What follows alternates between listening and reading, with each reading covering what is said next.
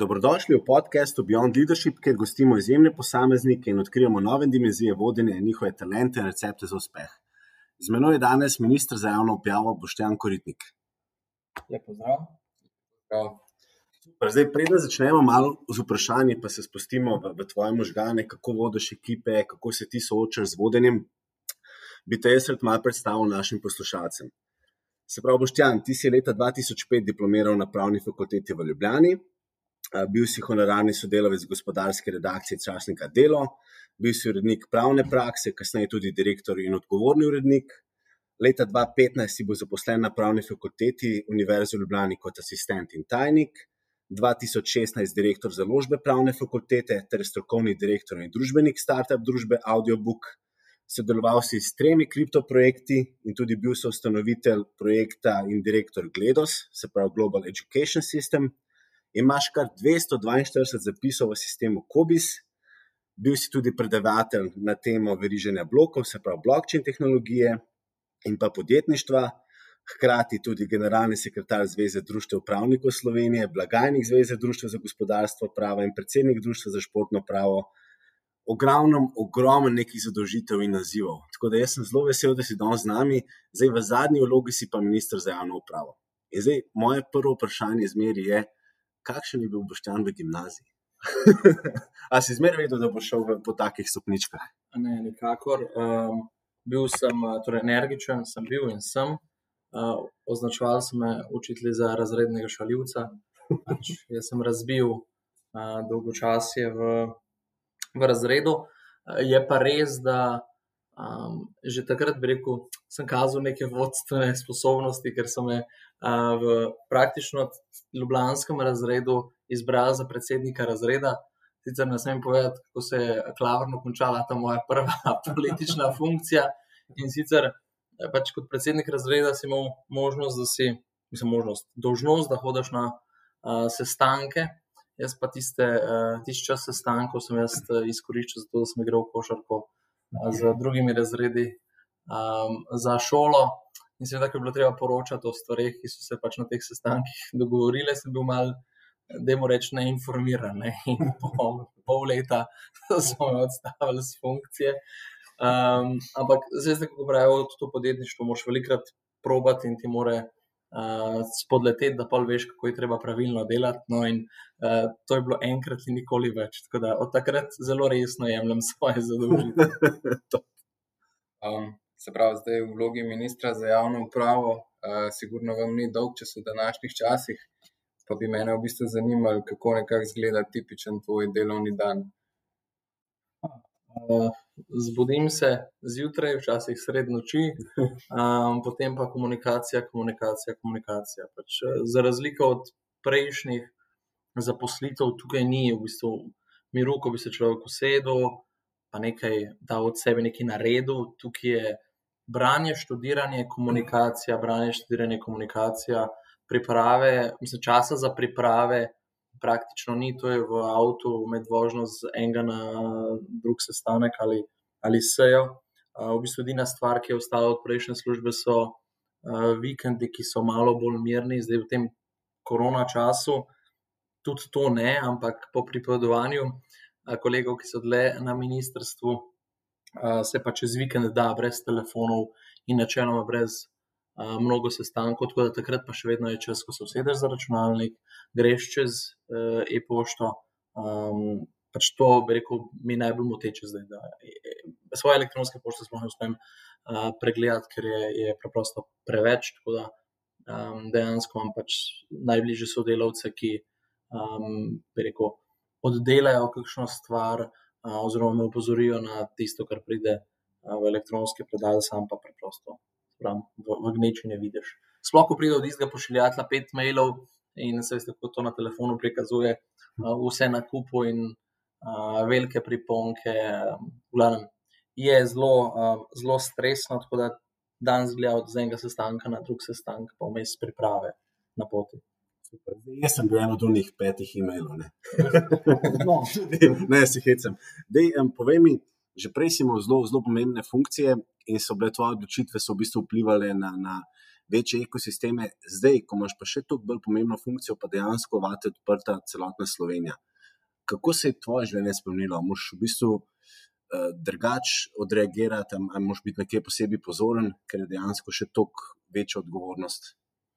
Uh, torej, pozoren moraš biti na to, da uh, ni kakovost opravljenega dela glavno merilo za um, tisto, kar sicer človeka motivira, to je potrditev okolice. Ne? Tukaj preprosto ne moreš sprejeti odločitve, ki bi bila vsem deležnikom všeč, tudi zato, ker pač se za deležnika pojavijo pač praktično vsi prebivalci Slovenije, lahko tudi tisti, ki kakšno odločitev sploh ne dotika. Ne. Mhm. To, to je največja um, rekel, razlika. Prej si vedel, da če nekaj narediš, pa dobro narediš, um, se pogovoriš z vsemi, rekel, ki, um, za katere veš, da so um, relevantni. Um, pa se vedel, da bo rezultat dober. Zdaj pa se pogosto rezultat meri po odmevu v javnosti, ne pa po dejanskih uh, učinkih. Tako da to je rekel, največja, največja razlika. No. Kako bi pa rekel, da se je pa tvoj stil vodenja spremenil skozi tvoje življenje, skozi tvoje različne vloge, od tega, vem, da si bil. Zaposlen na pravni fakulteti, bil si urednik, do tega, da si zdaj v bistvu ministr za javno upravo. Ja, več je delegiranja tisto, kar sem imel na začetku kariere, največjo težavo v tem, da pač, mislim, ne bi rekel, da sem perfekcionist, pač sem pa, sem pa blizu temu, oziroma vsaj predstava mi pelje v to smer. In včasih je bilo tako, da sem um, kolegom uh, torej predstavil cilj, pa pa po možnosti, če ne, če ne samo določil, pot tudi izvedel. Um, bi rekel, pa sem fragmentarno jih um, zaposlil, zadolžil. Um, zdaj pa je to pre, preprosto ne mogoče. Zdaj, tako kot sem rekel, že primer uh, e-pošte, brez sodelavcev, ki jim zaupaš, uh, ki jim pomagaš so ustvarjati cilj, potem jim pa prepustiš, uh, rekel, pot. Ali pa vsaj predstavitev možnih poti, pa se potem odločiš, pač ne gre, ne moreš sam. Ni šans. Jaz bi se malenkost navezal na tole vlogo sodelavcev, omenili ste si gužvo pri e-mailih, ogromno aktivnosti. Pa me zanima, kaj ti je v bistvu najbolj pomembno pri osebah, ko sestavljate svojo ožjo ekipo v vlogi vodje. Čustvena inteligenca. To vedno poudarjam. Um, pa sam imam uh, pristop temu, pravi, me, mehko, mehko vodenje. Um, ne prenesem torej zelo težko prenašam ljudi, ki mislijo, da so nezmotljivi. Tudi sam nisem, pač dvom je edina možnost napredka, se prihajam iz, iz fakultete. Um, mislim, tudi v zasebnem sektorju je to zelo koristno, da se človek zaveda svoje zmotljivosti, uh, da ni bistvena uh, avtoriteta moči, ampak rekel, avtoriteta argumenta oziroma moč argumenta. Um, in to je tisto ključno. Ker mislim, ljudje smo različno sposobni, jasno, ljudje nismo za vse um, ampak s komunikacijo, pa z, ne bom rekel empatijo, ampak razumevanjem interesov drugih, pač vsi interesi so legitimni, mi moramo samo razumeti, da pač ni uh, vse v našem referenčnem okviru, lahko je kaj zunaj njega. Ne. V medijaciji je to um, rekel, zelo koristen pristop, peeling the onion. V bistvu moraš ti iz tistega, kar je povedano, tisto, kar je na vzven vidno, moš ugotoviti, kakšni so res globli interesi, vzvodi, povodi, um, ne samo vzroki. In prek tega potem lažje nekako manevriraš uh, in dosežeš optimum, uh, tudi pri, pri sodelavcih. Um, Saj ste znani tisti primer, ko sta se uh, torej na nizozemskem dve tovarni torej naročili v 18. in 17. stoletju ladji polni pomaranč. Ena ladja je potonila, potem sta bili pa na sodišču, pa se kregali, katera je prva oddala naročilo za tisto preostalo ladjo s pomarančem, ki je prišla. In um, ta spor je pač bil veliko vreden, uh, proizvodnja enih in drugih je bila odvisna od tega, da je bil sodnik pameten, rekel prototip medijatorja in je hotel vedeti, zakaj se jim to gre za to ladjo. Uh, pomaranč, pač so govorili, pa moranče rabo, pomaranče rabo. Potem pa ugotovili, da eni rabijo pač notranjo za sok, eni pa olupke, torej lupino. In so ugotovili, da v bistvu sploh ni spora, ni težave, ne pač oboje bojo dobili, kar so hoteli in zadeva rešila. In to je tak tipičen primer kako so interesi, ki so pod površino, um, pomembni.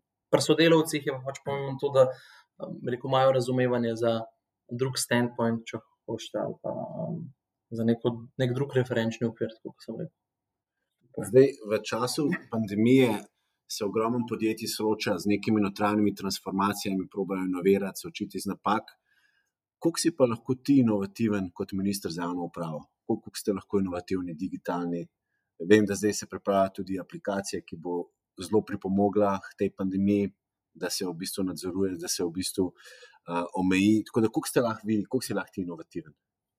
Je zelo omejeno. Um, pač inovativnost je vedno nek preboj, nekaj novega. Ne? In um, prvo izhodišče je, koliko je možnosti, da se človek spomni nečesa, kar, na kar noben drug ni pomislil. Uh, sploh, če izhajamo iz tega, da gre za politično funkcijo, ker si zamejen, še toliko bolj kot mogoče v zasebnem sektorju, uh, z nekimi pravili, normami, ustaljenim vedenjem in ravnanjem, um, varstvo zasebnosti, varstvo osebnih podatkov, človekove pravice, kar so izjemno pomembni postulati. Ne? Ampak v zasebnem sektorju je vedno soglasje tisto, ker so delavci um, ali pa svojimi zaposlenimi lahko soglasjem, rekel, se kakšni pravici odpoveš, ali pa se sodelavci odpovejo, zato da poskusijo kaj inovativnega, kakšen preboj. V javnem sektorju, v državi, v nekem organizmu, ki vpliva na vse državljanke in državljani, uh, je to zelo težko. Pa sploh ne trdim, bi rekel, da bi morali biti olajšano, nikakor ne, sem pravim, da je to zelo kontrolirano inovacijsko okolje. Mhm. Reči, je pa res, da eh, tudi v vsakem sistemu. Rekel, imaš eh, nek, neka stališča ali pa izhodišča, ki so 20 let smo tako delali, um, pač da jim delamo še naprej, ker je to cona obdobja. Pač ljudje se najbolj bojimo sprememb. Jaz vedno rad rečem, da je inteligentnost, uh, zmožnost prilagajanja na spremembe, in tudi v javni upravi um, se da.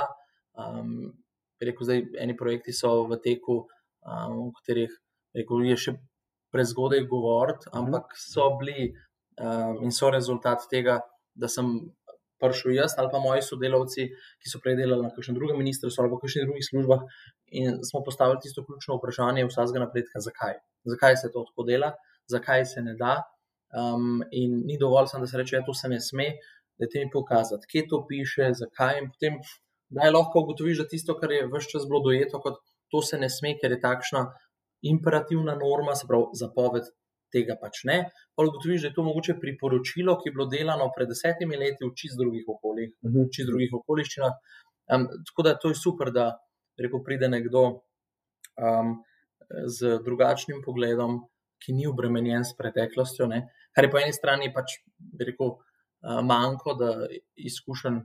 Uh, Torej, v politiki ali pa na ministrstvu za javno upravo, nimam, po drugi strani pa to blagoslov, ker res nisi obremenjen s preteklostjo. In iz tukaj izhaja pač en, en mojih eh, priljubljenih rekel, da vsi so vedeli, da se ne da, potem je prišel nekdo, ki tega ni vedel, pa moj rad. to kaže, nam je lahko včasih, mislim, meje, meje v glavi so lahko včasih tudi dejanske meje.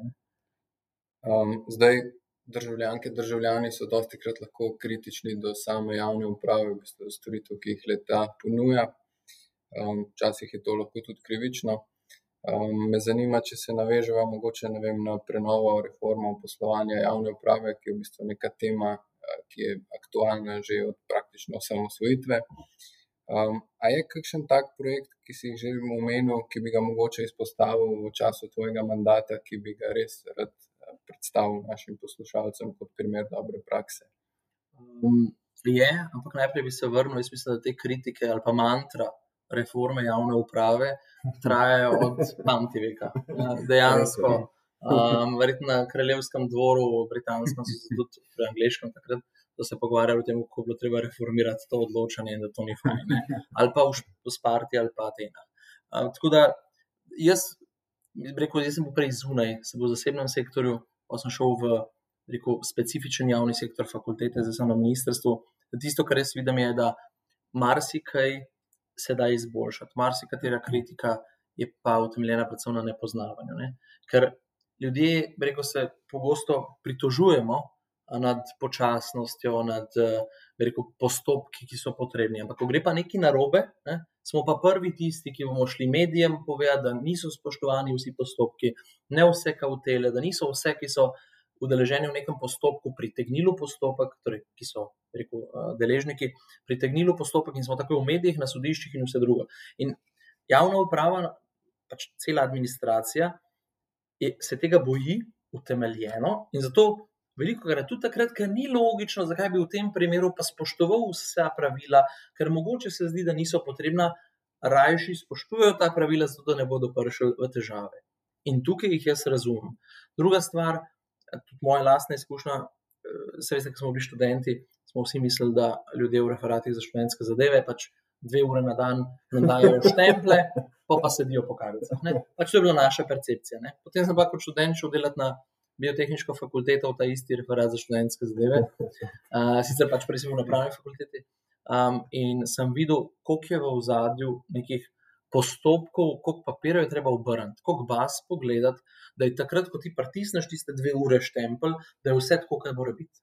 Da nisi dal torej, žiga osebi, ki ga ne bi smel dati, da si zavedel, da si to podelil, zato da se ni vem, pojavljalo potem te potrdila v opisu, ne vem, okrog, takrat, ko so bila še papirnata, da je bilo vsako potrdilo v opisu oštevilčeno, zaporedno, da če je slučajno prišlo do kakšne zlorabe, ki je, da si ti vedno vedel, kjer dan, praktično kjer uro je nekdo prišel in kdo je bil ta, ki je vzel neko potrdilo.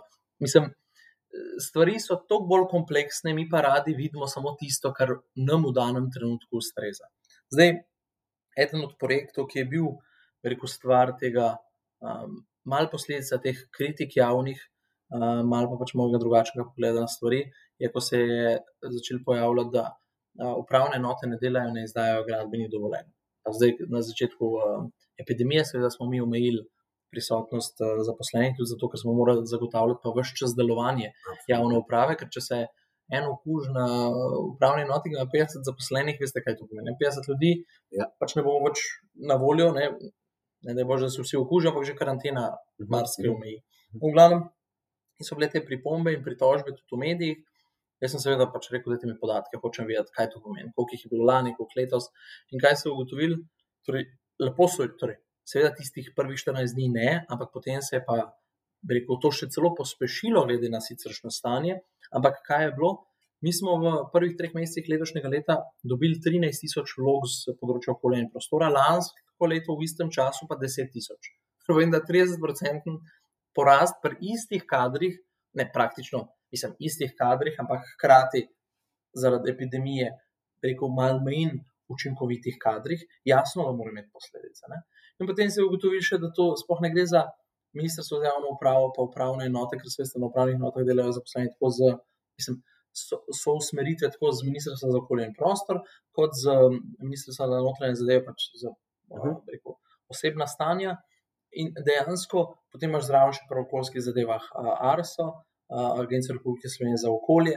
Tukaj je toliko velik faktor, človek pa pač misli, ker je prišel k nekemu uradniku, mu dal vlogo, da pač ta uradnik mora to pogledati in javno, da je vse v redu. Ne.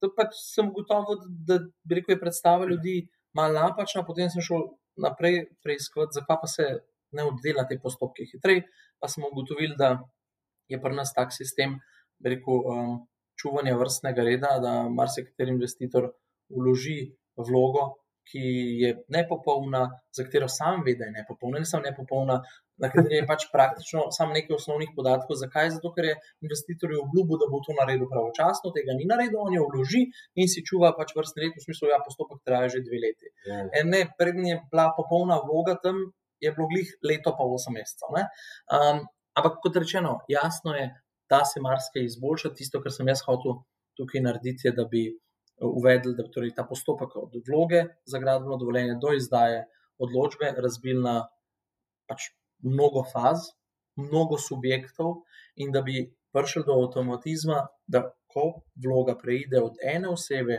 na kjerkoli ministrstvo ali upravni enoti k drugi osebi ali pa v drugo fazo, da pride do avtomatskega pošiljanja SMS ali pa maila, pač vaša vloga je prišla v naslednjo fazo. S tem bi povečali na eni strani transparentnost delovanja, na drugi strani ne bi bilo več teh klicev po osebnih obiskov, ja, pa je z mojo vlogo, kar seveda tudi jemlje naš čas, ko bi lahko rešvali um, te vloge. Na, tretja točka, torej zelo velika pridobitev je, ugotovili bi, kje so oska grla v teh postopkih. um, s čim so povezana ta oska grla, s premajhnim številom ljudi. Hkrati bi za vsako od faz malo lažje določil tudi benchmarke, torej neke standarde, koliko je, uh, kdaj pridemo do učinkovitega in kdaj je delo neučinkovito. Morda tudi videti, da je morda za kakšne faze izobrazbena struktura ključna, pač ali je to um, arhitekt ali je geodet ali je pravnik. Rekel, to vse vpliva um, na, na čas reševanja teh zadev kot rečeno, pa važno je tudi, kar polagam na srce državljankam in državljanom, in predvsem projektantom, vloge morajo biti res popolne. Pač gabariti so dani, tega se je treba držati, in bomo vsi postopke vodili hitreje, in bomo zadovoljnejši, ker se veste. Vsaka investicija, sploh v tem času, je še toliko bolj pomembna. 400 milijonov investicij prinese v petih letih vsako leto za en procent, rekel, prispevka pa višji BDP, to so pač neke ocene, ampak v vsakem primeru to je zelo pomembno za celotno gospodarstvo. Gledava tvojo celotno poslovno pot, ki je zelo bogata. Kaj bi bil pa tista neki, neka stvar ali pa dogodek ali pa projekt, na katerega si pa najbolj ponosen? Ki bo pa tisti aha trenutek, ker si rekel, wow, to je pa res. Huh, um, sem eden od takih projektov, ki bo res izjemen iz več pogledov, je uh, znanstveni komentar kazenskega zakonika, torej, gre za delo, ki je nastajalo pet let, gre za res temeljito raziskovanje, tri knjige, 3500 strani, predvsem pa 100 ljudi, ki so bili v ta projekt udeleženi, pa če sem bil vodja tega projekta. Um, avtorjev je bilo 50, potem pa še strokovni sodelavci, svetovalci. Um, ko smo naredili tudi, rekel, vsebinski preboj, pač kazensko pravo je pa zelo specifično, ampak ta posebni del kazenskega prava gre za posamezna kazniva dejanja. Ne? Ne, kaznivo dejanje z področja letalskega prometa, da bi ne, nadzornik v stolpu namenoma rekel, torej pilotu, zaviti, ker je varno. Zdaj zelo karikiram. Yeah. Ja. In do zdaj se vedno so se ta kazniva dejanja razlagala ali pa komentirala ali pa rekel, pojasnjevalo v zadnji ali pa kako pride do kaznivosti strani kazenskih pravnikov. Ne? Vsi vemo, da pač imamo neko omejeno znanje in ta rekel, revolucionaren pristop je bil, da smo mi za vsak člen, vsako kaznivo dejanje vzeli enega kazenskega pravnika in potem nekoga, ki je z nekega drugega področja prava, recimo z področja letalskega prava, je rešil ta primer. Potem imamo eno kaznivo dejanje, ki je kršenje avtorskih pravic. Ne? Seveda je to pač kaznivo dejanje, kadar je rekel znesek čez 5000 evrov, ti nastale škode s fotokopiranjem, če hočete. Ampak hkrati smo dali pa zraven enega civilista, ki se ukvarja z avtorskim pravom, ki je pojasnil, kaj to pomeni, kaj to pomeni pri eh, CD-jih, DVD-jih, um, elektronskih nosilcih, kaj pomeni kopiranje. Um, in smo v bistvu združili znanje z različnih področji um, in naredili res interdisciplinarni. Mi smo tudi eh, tam imaš kaznivo dejanje, ne vem, trgovina z prepovedanimi uh, snovmi, poživili, drogami. Kazenski pravnik to lahko razlaga, ampak je fajn, da je en farmaceut zraven. Mi smo ja. imeli farmaceuta zraven, pač nekoga, z fakultete za farmacijo, pa smo imeli tudi zdravnika, um, torej profesorja z medicine. Glavno zelo, zelo um, interdisciplinaren projekt, kot rečeno, pet let. Uh, to je tudi, mislim, preboj, ki je bil v tem smislu, da smo dobili tudi za ta založniški projekt pač trije sodelujoči, profesorja Korošec, pa Filipčič, pa jaz, um, naziv oziroma priznanje pravnik leta uh, 2019. In uh, se pravi, to je po petih letih, ko smo uh, te knjige uh, izdali, ko je bil projekt končan, to je bilo res, res zadovoljstvo. Ja. Um, zdaj, mesto ministra je eno izmed najvišjih v državi. Uh, lahko bi rekel, da si že veliko dosegel v življenju, pa vseeno mogoče, kakšni so pa neki osebni cilji za naslednjih nekaj let. Uh, tisto, kar sem zdaj spoznal um, v zadnjih štirih mesecih, je, da cilji niso, reko, najbolj ključna stvar. Uh, važno je, da, vsak, mislim, da vsak dan posebej vzameš pač, uh, kot uh, možnost, da narediš nekaj dobrega. Pa to, mislim, res verjamem, da se to sliši kot floskula, ampak ni. Pač karkoli sem delal v življenju, sem se trudil. Mislim, zelo sem tekmovalen šel, to je res. Um, in sem se zelo trudil pač biti čim boljši. Ne najboljši, ker to ne morem biti vsem, uh, to upanje sem pri plesu, pa še pri čem v pustu. Ampak um, biti pač čim boljši, pa ja, pač, ko sem z staro mamo, ki je v Nemčiji čistila bolnice, čisto, pač samo tekmovanje sam s sabo, da jaz za mano ne bo nobena pikca ostala, ne, pač bila je gastarbajterca. Um, in vedno rečem, da jaz, ne glede na to, kjer poklic bi upravljal, vsako delo je častno, ne, tudi to pravi, da je floskula, ne, pravi, vsako delo je častno. In predvsem izhajam iz tega, kar sem že prej na primeru uh, referata za študente povedal, tisto, česar ne poznam, ne sodim in ključno je pač človek dela čim bolj, ne, vsak po svojih zmožnostih, če hočete. In to je moj edini cilj. Da si ne bom več učitelj, sicer vedno pravijo, da blok, človek sam se bolj učita tisto, kar ni naredil, ne tisto, kar je naredil. Ne. Tako da to me sili v čim bolj aktivno vlogo v življenju, ampak se v končni fazi to, da sem šel iz cone obdobja, iz okolja in sistema, ki sem ga absolutno poznal, kjer sem se res počutil, kot bubrikolojo, kot rečejo, v, v svet, kjer sem pa verjetno eden največjih političnih naivnežev. Pač jaz res tri mesece, štiri mesece nazaj, še vedno nisem dolg iz stranke. Za me je bilo res eh, nekaj čist novega. Ampak kot rečeno, to je lahko tudi prednost in vidim, da je prednost, pa če s tem nisem obremenjen. Tako da za naprej je samo eh, delati tako, da se ne bom mogel nič učitati, pa bo že v redu. Super.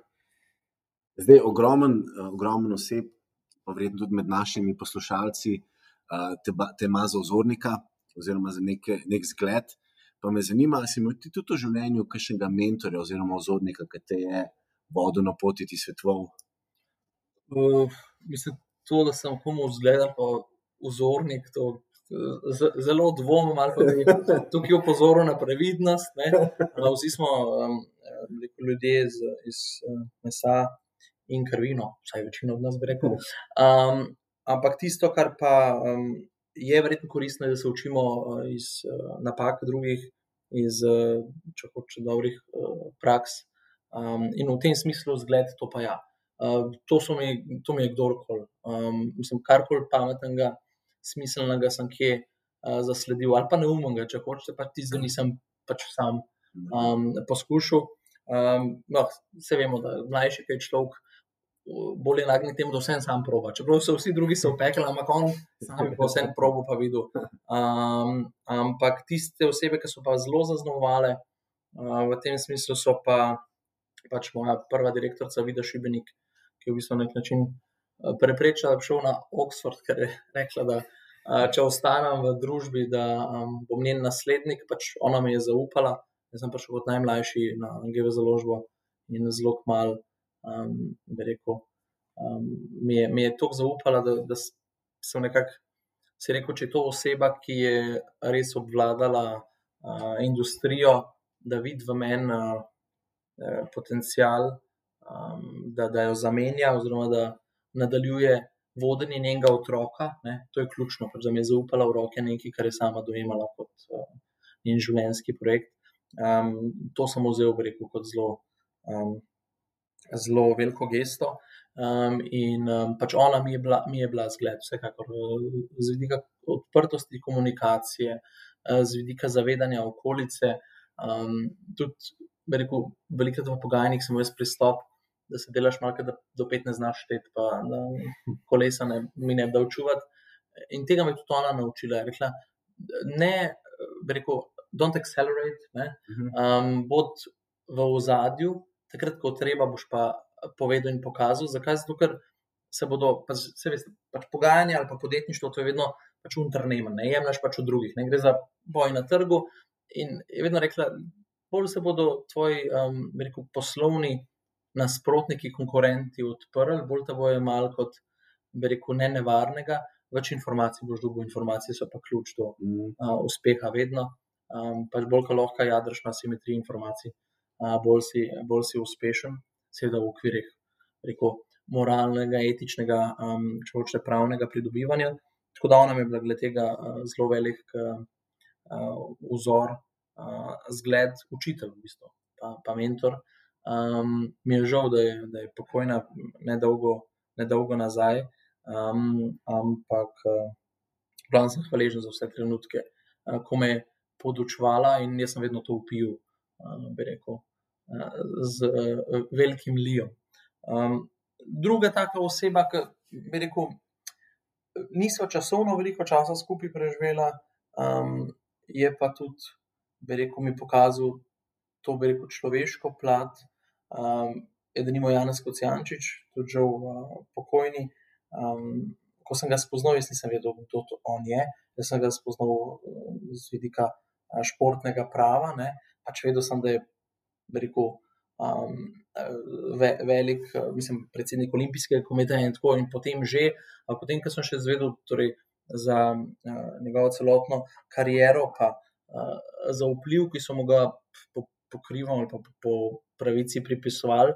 Hkrati sem videl, da bodo vseh ljudi enak, tudi do tistih, ki pa res niso vedeli, kdo on je, se obnašal enako. Sicer, rekel da sem ga spoznal uh, zadnjih uh, deset let, uh, dobrih deset let uh, njegovega življenja, ne vem, kako je bilo prej, ampak to je nekaj, kar je meni zelo pomembno. Pač, uh, danes omenil si kot ena najvišjih pozicij v državi, danes je minister, jutri pa uh, se lahko nič. Ne, to, Uh, sploh minister je takšna funkcija na prepihu, kot so že izkušnje.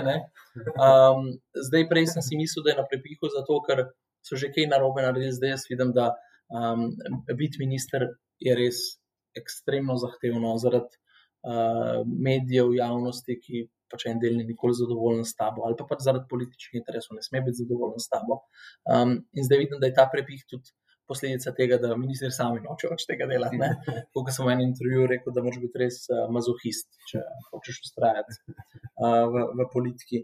Um, tako da, glavno, to mi je bilo nekako vodilo, da um, ljudje so ljudje, ne glede na funkcijo, uh, denar um, in še kaj. Um, tako da, ja. Je bilo nekaj takih, od katerih sem, sem lahko veliko vzel. Jaz bi se še malo navezal na tvoje delovanje v akademskem svetu. Me zanima neke izkušnje, znanje, kompetence, ki si jih tam pridobil, kako so ti to dejansko potem prišle prav v poslovnem svetu, pa ne pri delu na ministrstvu, ali so to neki čist različni svetovi. Mislim, jaz sem imel to srečo, da sem prišel v akademski svet, sem prišel med ljudi, ki sem jih večinoma že poznal, ker sem z njimi delal. Pač bil sem direktor založbe, predtem uh, novinar časopisa Pravna praksa, pa urednik, novinar, urednik pravne prakse. Kar pomeni, da najprej sem s temi istimi ljudmi, pač profesori na fakulteti, oziroma uh, zaposlenimi na fakulteti, delal kot urejevalec njihovih tekstov, bolj kot tisti, ki je pogajajo se z njimi uh, za izdajo um, knjig ali pa za izobraževanje, potem na koncu pa kot njihov tajnik, potem asistent nekaterim. Um, mislim, akademsko okolje je zelo, zelo specifično vsak od teh uh, ljudi, kolegov, je, bi rekel, strokovnjak na nekem svojem oskem področju in na tistem področju ekstremno suveren. Zdaj, težava, ki sem jaz zaznal, ki pa ni vezana samo na akademski svet, čeprav sem nekoč tako mislil, pa zdaj vidim, da, da ni, je, da tisto področje, s katerim se nekdo ukvarja, je za njega cel svet. In potem nekako realitetna ocena zmanjkuje v tem, kako je to zdaj pomembno in najbolj relevantno. Ne, najboljši primer je, ko je nekdo prišel um, k tebi in je rekel: ja, Te knjige, se bo kupil 3000, 5000, 10.000 izvodov. Ne. Ti, kot direktor založbe, si pa vedel, da pa so naklade 200, 300, pa si lahko srečen. In potem si ga vprašal, ali ste res prepričani, da ja, je to vsak rab. Ne? In potem si pojasnil razliko med rabim, potem kupim, pa potem še sam sem pripravljen prebrati ne, tisto, kar kupim ali knjigo ali pač na izobraževanje grem. E, e, vidiš, torej, kako težko je to prebiti to mejo, ker vsak pač misli, da to, kar on dela, je pa pač res najpomembnejše na svetu. Um, in potem se je velikrat sicer izkazalo, da ko sem jaz rekel, ni problema, je vse dobiček, 50% vsega po odštetih dejanskih stroških gre vam sam brez honorarja na začetku. Ne? Da pač delimo tveganje. Če, če bo to, lejte, vi rečete, da bo 2000 knjig prodanih, če jih bo 700 prodanih, bo vaš honorar petkrat višji, kot če uh, bi bil na začetku fiksen. Ne? Ampak pa se je pa hitro. Uh, ugotovili, da to pa mogoče pa vse ne bi tega tveganja um, prevzel. Ampak kot rečeno, to sem pa ugotovil, da ni vezan samo na akademski svet, je vezan na, na vse nas.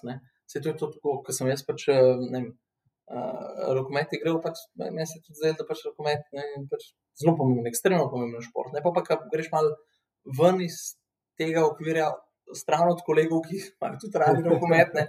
Pa vidiš, da je to za mnoge pa tako obstranski. Vaški šport malih sredin, kot radi rečejo.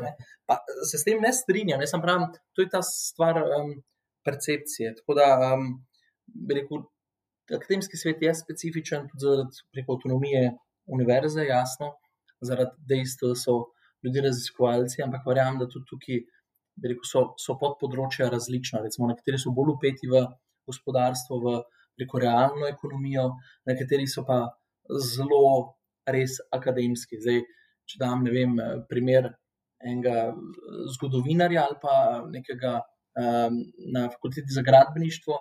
Ki dejansko dela na kakšnih gradbenih projektih, še zraven, popoldne, sicer to ni priljubljeno, ampak ne. Um, mene so enkrat vprašali za enega profesora, ki je uh, na trgu pač tudi uh, pravno svetoval. Uh, so rekli, novinar me vprašal, ja, pa vam je to v redu, da vam predava en tak, ki na trgu tudi služi. Ne? Jaz sem novinar, rekel sem, lete, hvala Bogu, jaz raje poslušam nekoga, ki je izkusil, ki je ja. sposoben na trgu zaslužiti. Kar pomeni, da je to, kar on predava, uporabno znanje, kot nekoga, ki v življenju na trgu ni bil in sploh ne razume, odkje denar prihaja. Ne? Tako da bi rekel, marsikaj je bilo eh, zelo poučno v teh eh, petih letih na fakulteti, ampak se pravi, lažje mi je bilo, ker sem ljudi že odprej bolj ali manj poznal. Je pa res, da poznaš kot zunaj drugače, kot jih potem znotraj sistema. Ne? Da te malo izovem. Zdaj pa povej, kaj bi bil pa en svet, ki bi se ga sebi dal, uh, vem, ko si začenil svojo poslovno, poslovno pot? Huh. Na sebi bi bil mogoče, da bi v določenih trenutkih vse malo bolj trd vodja. V smislu, da um, ko vidiš, da je pri neki osebi kombinacija omejene sposobnosti in um, osebnostnih težav v smislu, um, rekel, uh, Dunning-Kruger efekta. Zdaj, če ne razložiš. Dunning-Kruger efekt ima pač dve plati. Ne? Lahko si tako inteligenten, da ne štekaš, da drugi niso. Pač pa so, razumeš, kako ne razumejo. Lahko si pa pač tako butas, da ne štekaš, da si butas. Sploh ne da pojasniti. V svoji karieri sem srečal dve taki osebi. Um, in jaz sem vedno šel benefit of the doubt. Pač jaz, rekel, jaz sem rad ljudi. Um, in jaz vedno grem za to, da idemo probati, se mogoče se bo pa dal, bla, bla, bla. In na koncu vidiš, da si s to popustljivostjo uh, tvegu dvoje. Najprej si dal čas takšnemu sodelavcu, uh, ki sploh ni nujno, da ti je um, podrejen, lahko je tvoj nadrejen, pa pač rečeš greš. Um, ampak daš mu čas, da narediš še večjo škodo pa hkrati izgubljaš avtoriteto pri vseh tistih, ki se pa trudijo in niso zelo namerni. No? Uh, tako to pa je stvar, ki jo pa nekdo kot vodja ne sme izgubiti, pač zaupanja sodelavcev, da bo, ko bo pa treba, pa udaril po mizi. Uh, tako da to je mogoče stvar, ki jo v karieri. V, tem, v enem primeru, drugače, v drugem, sem pa le saniral. Kaj bi po tvojem mnenju potem bile dobre lastnosti, oziroma lastnosti dobrega vodje? kako rekli, čustvena inteligenca. Mislim, to skozi poudarjam. Socialna inteligenca se sicer da naučiti, ne? čustvena je bolj kot ne prerejena stvar karakternih um, lastnosti, predvsem primarne družine, se vse iz tem izhaja. Um, to pa pač ta, to zavedanje, da človek ni nezmotljiv, uh, vodja mora izhajati iz tega, da kdo dela greši in da. Napake, mi se moramo imeti toleranco do napak. Tisto, kar res pogosto opažam, je strah pred sprejemanjem odločitev, apologetski pristop, da smo pač, sodno odločbo na 50 straneh, um, zato da bo ja vse tam napisano, da ja nam kaj pozabil, da mi ja ne bo mogel kaj učitati, zdravo, razumsko pa pač pozabljamo, da neko odločitev pač treba sprejemati, če si odločevalc. Ne? To vidim, da je tisto, kar vodja res rab, pač toleranco do napak tistih, ki delajo.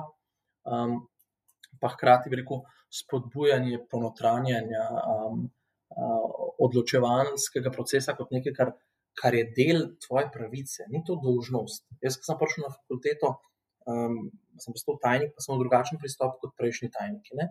Um, so mi rekli, ja, ne hodimo noč skupaj na kavice, neč, se ne družimo, pa to malo vas vidimo. Ne, na začetku smo zabavali, da sem tajnik v, v oblaku, ker sem pač na mailu, sem pa skos.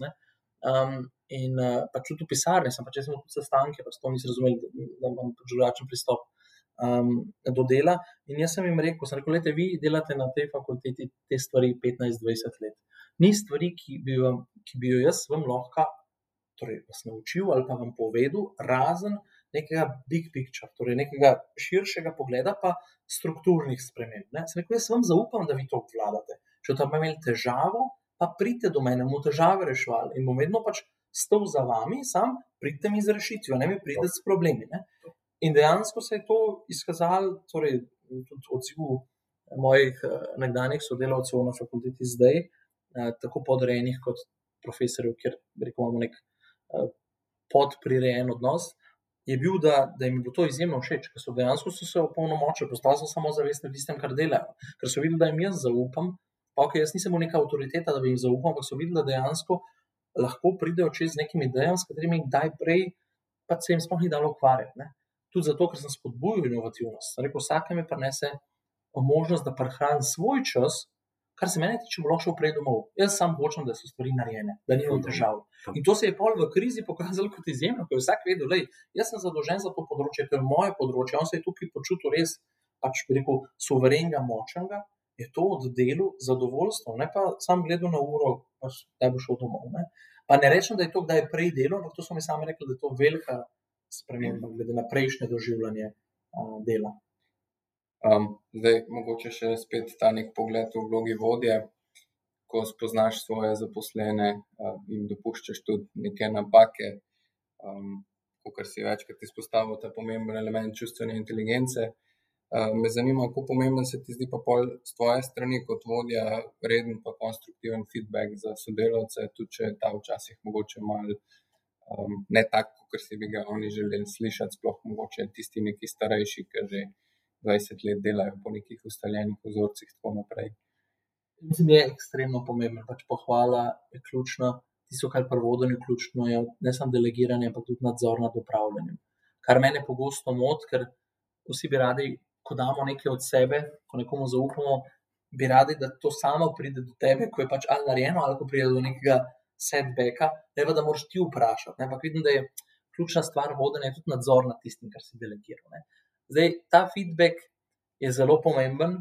Jaz moram reči, da tukaj, eh, rekel, mi še malo manjka, zato ker preprosto časovno. Jaz vidim, da z, da odločilo to se pravi, povezano s COVID-om, ampak dejansko vseh mailov ne uspem prebrati.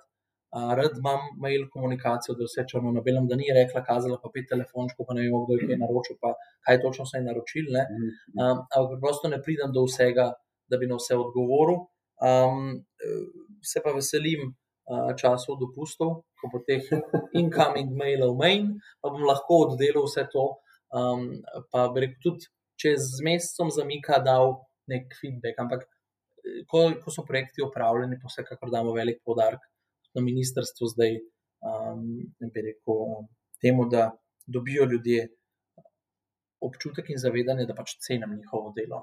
Um, in da v napakah, to je pač trener pri futbolu. Če bo ekipa zgubljala, bo trener prvo leto. Um, če bo pa dobro igrala, bo pa igralci nagrajeni. Tukaj v politiki je malo drugače, ampak jaz poskušam prenesti to, da lejte, če bo problem, bom jaz že prevzel sam, da dajte mi vse karte na mizo, da vemo, vem, pri čem sem. Jaz bi le mogoče še nadaljeval to svoje vprašanje. Um, sicer z vidika spet izkušenj, ki jih imaš tudi iz privatnega sektorja, pa zdaj v javnem sektorju si mogoče opazil, da je finančno, ne finančno, ki je težje nagrajevati, mogoče zaposlene v javni upravi, kot je bilo to v neki ne vem, zasebni organizaciji, pa kaj več o tem. Absolutno. Mislim, tisto, kar je zelo veliko spoznanje tega prihoda v javni sektor, je, da preprosto imaš zelo zvezane roke. No? Res zelo, zelo zvezane roke. Um, omejen si, ne zmoriš, ne samo nagrajevati, tudi pridobiti kadra ki ga potrebuješ, pa s katerim bi lahko vsi v nekem okolju prosperirali. Ne?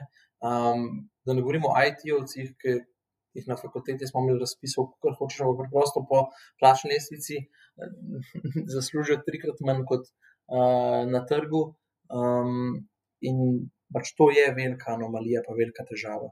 Podobno je z nagrajevanjem, na koncu vidim, da v javnem sektorju se pa nagrajuje bolj s tem, da jim se nekoga pošlje na izobraževanje, kar je sicer zelo pozitivno in spodbudno, ampak to vse ni to. Pa sploh ne z vidika, da bi, rekel, bi ljudje bili nezadovoljni, bolj gre za to, da pač vsi smo malo homo economicus, se odločamo, jasno, tudi ekonomsko v neki točki življenja se pač tudi potem in uh, nizka, uh, nizko plačilo ali pa uh, nižje plačilo od tistega, kar dobiš pri konkurenci, je vse v zasebnem sektorju isto. Pač, če en kuhar ponudi nekdo 3000 evrov, drugi dobi pa 2000, pa če ja, je 3000. E, to je logično, to je spet legitimen interes, kot sem prej rekel. Tako da to je, to je težava v javnem sektorju. Je pa res, da v takem ogromnem sistemu, pač večji kot je sistem, težje ga je voditi, upravljati smiselno, rabiš neke uravnilovke, neka pravila. Če so pa pravila, je pa tudi tokost, ki ne more zajeti nekih življenjskih posebnosti uh, ali pa pač neke življenjske resničnosti, kakšne, s kakšno se soočam, ko si uh, menedžer. Ne? Pač preprosto ne gre. Ne? Če pa ne bi imeli pravil, bi bil pa kaos. Pa bi bilo pa spet obtoževanje, nekdo ima nekoga bolj rad. Ne? Uh, nekdo ima, ne vem, dame rajš, pa dame nagrajuje, nekdo ženske ne mara, pa moške nagrajuje. S tem bi bili soočeni in te razprave se ne bi nikoli končale. Tako da ta pravila so namenjena tudi zato, da imamo nek tak mir, so pa, so pa težave v praksi. Kakšno pa tvoje mnenje, oziroma kako se je recimo, tvoj način komuniciranja v času pandemije zdaj spremenil z, z tvojimi zaposlenimi, pa kakšno je tvoje mnenje na delo doma, ker ogromno podjetij gre v to smer so dobili tudi neko zaupanje, nek modus operandi se je vzpostavil. Za komunikacijo, pač telefona je bilo več, pa mail, ampak se pravi, jaz sem že prej bil zelo tajnik v oblaku. Tako da sem tega. Um, mislim, to je bilo meni blizu, tudi zato, ker sem zelo nočen tip, ne, sem bil. Ne. Pač, uh, moji urniki so se začeli ob desetih, ampak končali so se pa ob dveh, treh zjutraj, pa sem rabo zelo malo mal spanja in to je čas, ko ljudje načeloma ne delajo, ali pa ker sem v sestanku čez teden, sem uh, čez vikend oddelal in preko moje dve sodelavki na pravni fakulteti, tajnici, um, Alenka in ne vem, kaj sta bili. Rekel, najbolj bale ste se ponedeljko, ko ste prišli, pa je bilo na mizi, na mizi poln uh, papirjev z listki gor, kaj treba čim narediti, pa maili, da se nista prebile uh, skozi njih do torka. Um, torej, tega sem bil jaz torej delal doma, vajen, jaz tudi, ko sem šel počitnice na Filipine, Vietnam, jaz sem pač nesel dva računalnika sami, pač, ker sem imel različne certifikate na vsakmu. Pač to za me ni nič novega in jaz več delam tam. Ne? Tudi na jadrnici, pač sem laptop vsak dan dve, tri ure, zato sem bolj miren, da me ne ubije uh, deset tisoč mailov, ki prijem um, nazaj uh, domov. Uh, vidim pa, da smo si ljudje, mislim, vem, ljudje smo si različni. Ne? Nekateri rabijo to neko delovno okolje. Pač jaz, kadar sem imel 20 minut časa, pa sem na avtobusni postaji, no zelo lepo, pa sem pač delal ali pa na vlaku ali pa kjerkoli. Pač to meni pač ni težava, kjerkoli pač narediš, ja, delaš, ja. narediš. Nekateri pač rabijo bolj eh, mir, pa čas. Um, in tega ne obsojam, kot jaz pač ne pravim, sem zjutraj, da mi budilka zvoni ob šestih, nekateri so pa pa že ob petih, pač ljudje smo se res različni. Um, in hvala Bogu, da smo se različni, kam bi prišel, če bi bili enaki. Um, in vidim, da to na različne ljudi različno vpliva. Nekateri, ki so se prej upirali delo od doma, zdaj pričakujejo in si želijo dela od doma. Ne? Nekateri so komi čakali na ta socialen stik. Ne? Nekateri, če nimajo nekega nadzora, nekoga, ki jim skozi govori, to naredi, to naredi, pač tega ne. Mislim, to težje prenašajo, da so bili komaj učinkoviti. Uh, jasno je, da narava dela uh, zelo različna. Mislim, da so v Ameriki zdaj naredili raziskavo, da je 40 odstotkov poklicev, ali 36 je takih, ki jih komu delajo od uh, doma, ampak so to više plačani poklici, ki zajamajo skoraj polovico uh, mase plač. Um, tako da vsekakor to za različne ljudi različno uh, pomeni. Um, jaz, tisto, kar sem jaz uvedel kot uh, spremembo ali pa delo na njej, pa pol, ker je epidemija konc, pa so se ljudje začeli vračati, je to, da se ne poroča naknadno.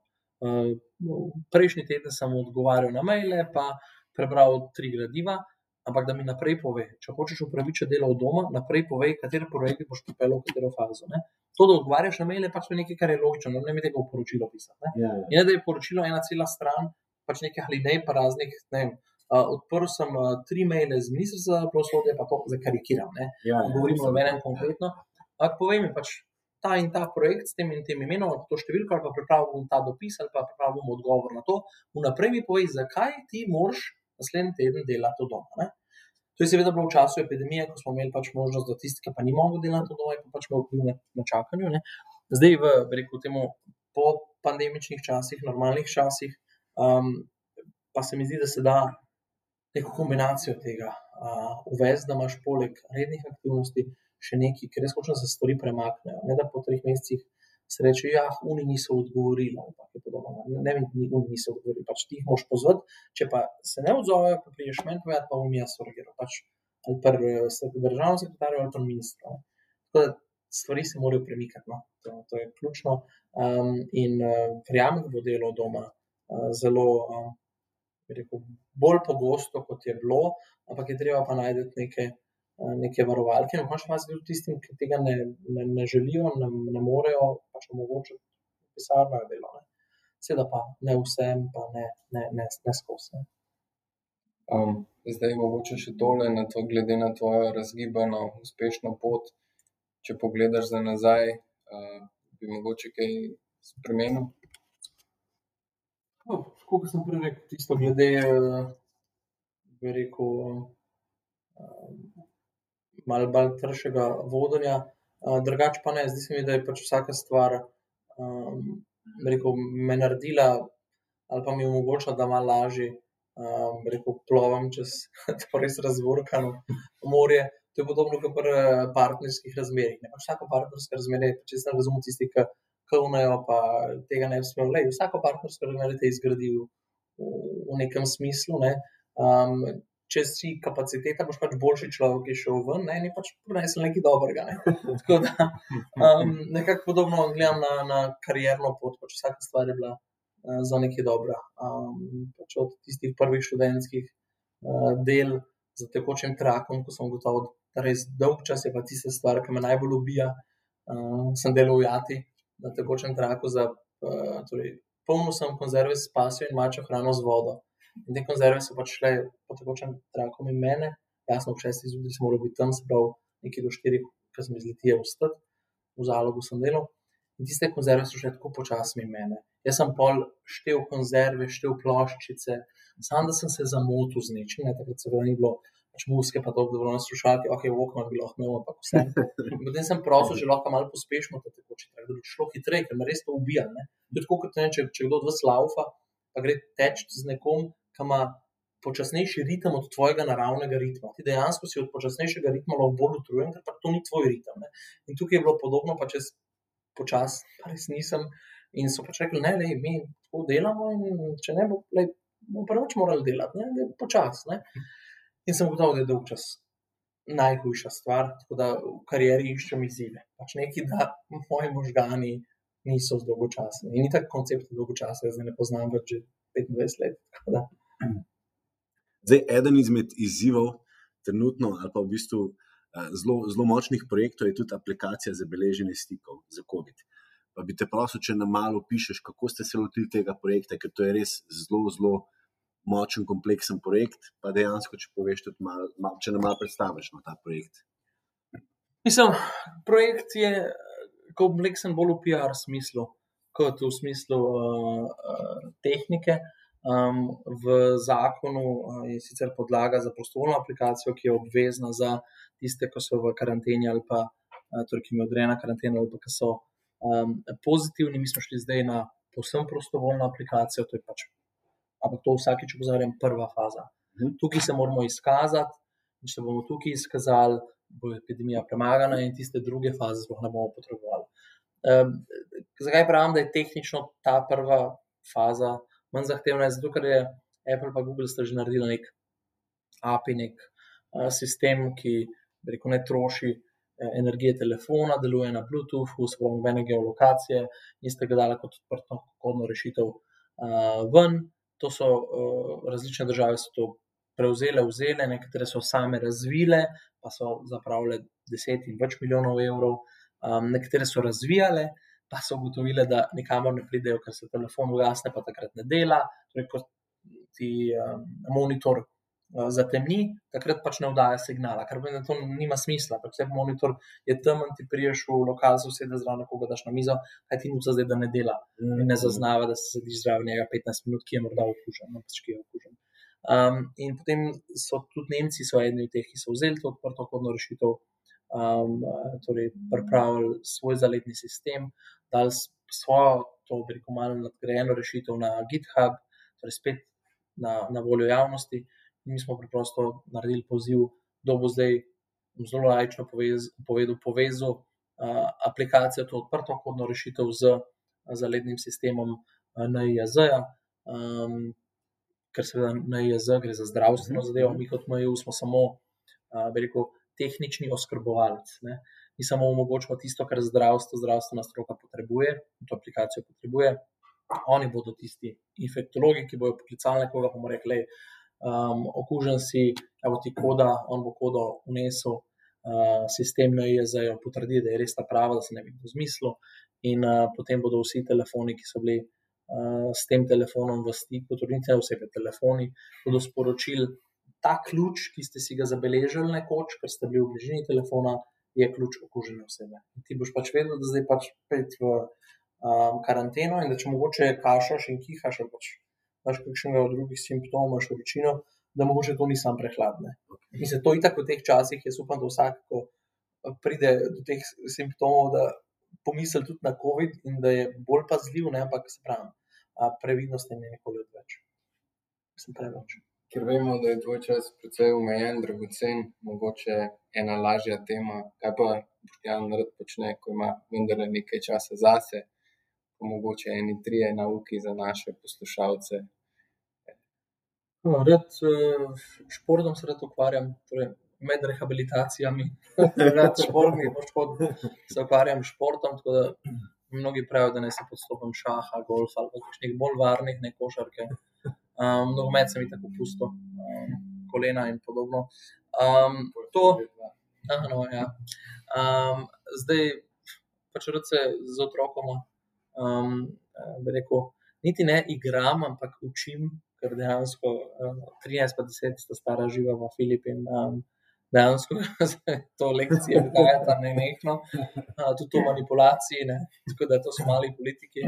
Um, pa državne igre imam rad, Activity Scrabble, pač sem zelo tekmovalen, tarok, poker, pač zelo tekmovalen človek in uh, v tem uživam, res za zdaj, zato pa res ni, ni veliko časa. Da nam povej tvoj najljubši citat. Uh, ja, zdaj, imam jih par, ne, moj na, na, na Facebooku, deaktiviran na Facebooku je bil. Človek uči cele života, ipak umre budala, torej človek se uči vse življenje, vse umre tepec. Pa tisto, kar sem ga že prej rekel, ne? vsi so vedeli, da je ne mogoče, pa prišel on, ki tega ni vedel in mu je uspelo. Tako da to sta ta dva, uh, rekel, citata ali rekla, um, bolj ta balkanska modrost, če to ukrepim. To težko pripišem eni konkretni osebi. Um, in jaz mislim, da sta to tudi dve zelo pomembni vodili um, za vse v podjetništvu in sicer plus dvom. Pač jaz za tiste, ki prihajamo iz akademskega sveta, vemo, da dvom je ključna stvar. Brez tega, da dvomaš, ne bo napredka, ne? ker če ne bi bila zemlja še vedno ravna. In zdaj ne mi torej oprostijo tisti, ki so pripričani, da je zemlja ravna. Um, pač dvom je res ključen. Dvom moš tudi včasih v svojo, v svojo percepcijo. Um, jaz vedno povem ta primer, Ker sem začel na delu delati kot uh, novinar, pa seveda takrat sem še zelo tak pazljiv, si šel na tiskovno konferenco, vse si snemal, vse si, si pisal, uh, pa si štiri ure poslušal, ko si se zvrziral, si malo vedel, že pa je pomembno. Ne? Ampak na začetku pa štiri ure si posnel in uh, si vse šel na tipka, da si pol izločil pomembno. Ne? In potem jaz sem pač vala delo zapiske in kakšne izjave zapisal, in jaz sem vse to pripričan, da tudi tako je bilo rečeno. Pa, ko poslušaš na diktafonu, pa vidiš, da tisto, za kar bi bil prej pripravljen, da otroku ogen, sploh ni res da je tvoja percepcija tista, ki je določala um, vsebino ali pa pač tako, kako si, kako si ti razumel in da si na robe razumel. Ne? Se podobno je, zakaj mi lastnih napak pri uh, pisanju nikoli ne opazimo. Je zato, ker naši možgani že sporočajo, kaj tam mora pisati. In ne boš videl lastne. Počakaj en teden, boš bral na novo, ker si ja. pozabil tekst, boš pa napako najdel. Tako da ta dvom tudi v lastna prepričanja, dolgem se moraš znebiti ne obsoja drugih, nikoli ne veš, kako bi ti ravnal v nekih okoliščinah, če oziroma če bi šel iz nekih okoliščin.